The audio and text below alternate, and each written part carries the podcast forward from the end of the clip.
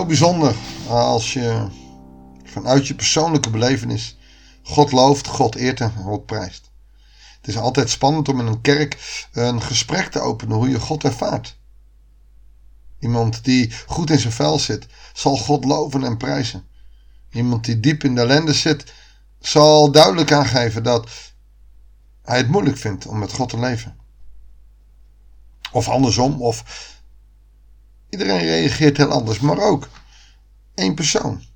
Als het goed gaat met je, als, het, als je op het toppunten van je, van je leven zit, dan kan, je, dan kan je God loven en prijzen. Maar als je diep in de ellende zit, dan kan je het moeilijk hebben met je geloof. En dat is bij David niet heel anders. David is gewoon een mens. Alleen David had het in zich om in al die verschillende emoties zijn gevoel op papier te zetten. Dat maakt de psalmen zo heerlijk van dichtbij. Waarin je je soms gewoon helemaal kan herkennen in een psalm, of soms ook juist helemaal niet, zonder daar een oordeel over te hebben. Vandaar dat we de komende twee dagen ook weer met een psalm aan de gang gaan. Goeiedag. Hartelijk welkom bij een nieuwe uitzending van het Bijbels Dagboek. We lezen Psalm 18. We doen het in twee keer. Het is een lange psalm. Psalm 18, vers 1 tot en 16 voor vandaag. Voor de koorleider van David, de dienaar van de Heer. Hij sprak de woorden van dit lied tot de Heer toen de Heer hem aan de greep van zijn vijanden had ontrukt, ook aan die van Saul. Het gebeurt niet vaak dat je bij de psalmen een inleiding ziet wanneer het gebeurt. Vaak wordt door theologisch uh, speurwerk, uh, qua taal, qua nou, allerlei mogelijkheden om de tekst te beoordelen, te kijken wanneer het was. Dit is een van de keren dat hij aan Saul en zijn achtervolging als het ware is ontsnapt. Hij is verlost en ziet deze bevrijding, schrijft deze bevrijding ook echt toe aan God. En als je bevrijd bent door God, als je dat zo ervaart, dan kan je ook prachtig mooie woorden zeggen.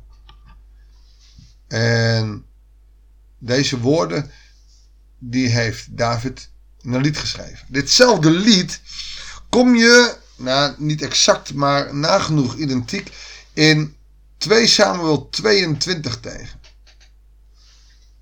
Daarin, en, het kan best wezen dat dit hetzelfde lied is, alleen iets anders vertaald, uh, wat, wat David daar gebruikt.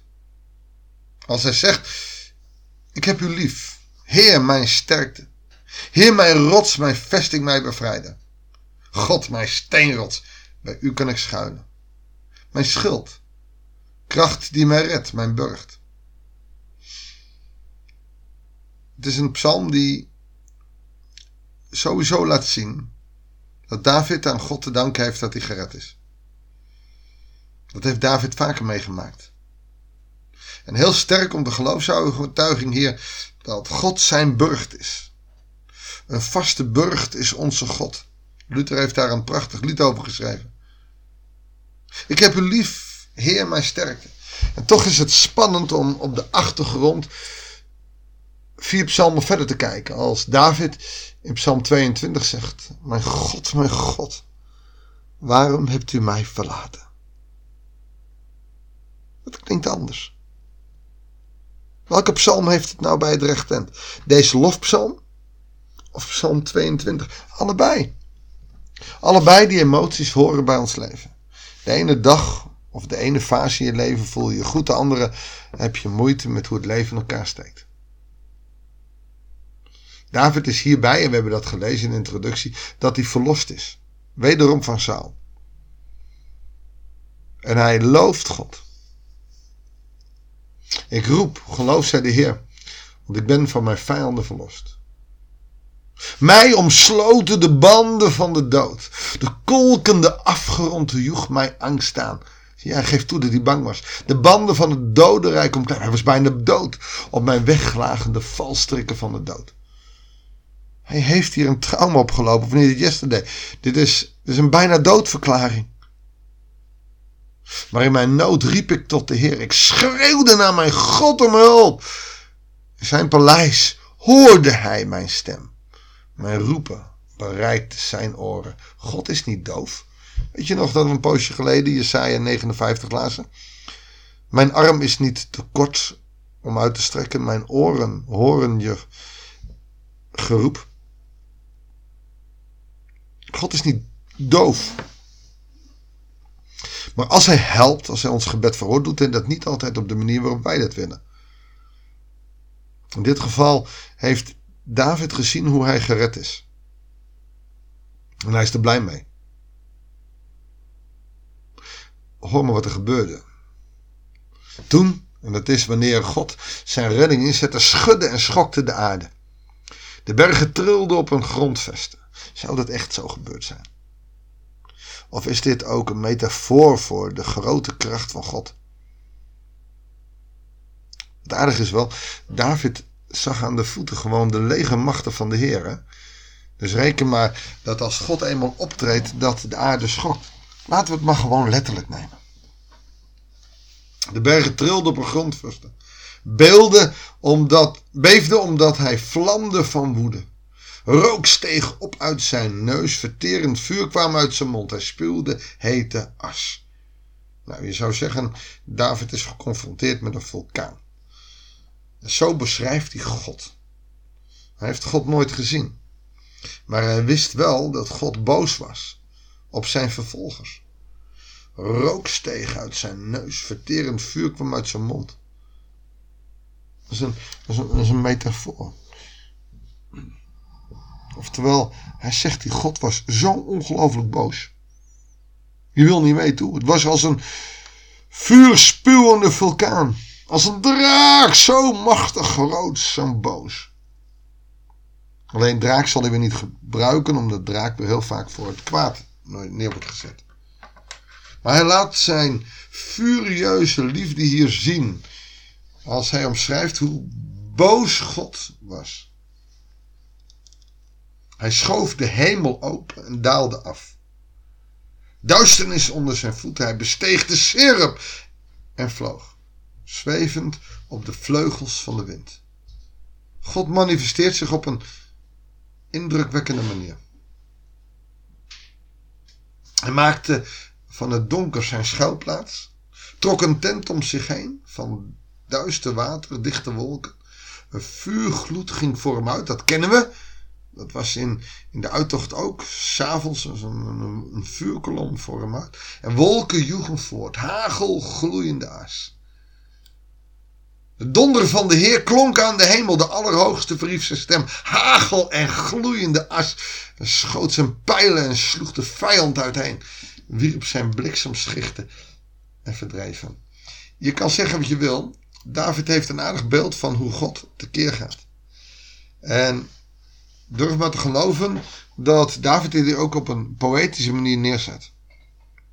Hij zoekt woorden voor de grote genadegave van God. Hoe God redding geeft aan mensen. De beddingen van het water werden zichtbaar. De grondvesten van de wereld kwamen bloot. Door de dreigende blik.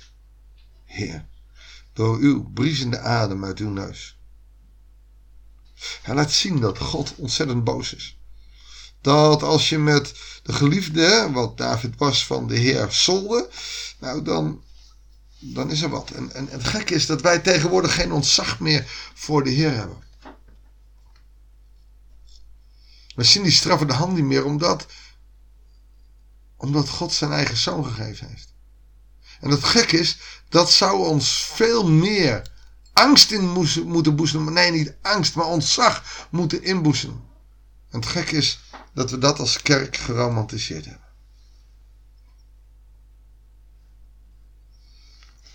Maar dat God in zijn liefde voor David zo furieus kan worden, is een God van recht en gerechtigheid, die niet met zich laat zollen. En daar zullen wij ook in deze tijd rekening mee moeten houden. Zullen we samen bidden? Heere God, je kan maar beter u voor je hebben dan u tegen je hebben. Want als we zien hoe David toont hoe u de vijanden van David heeft vernietigd. God, ik word er bang van.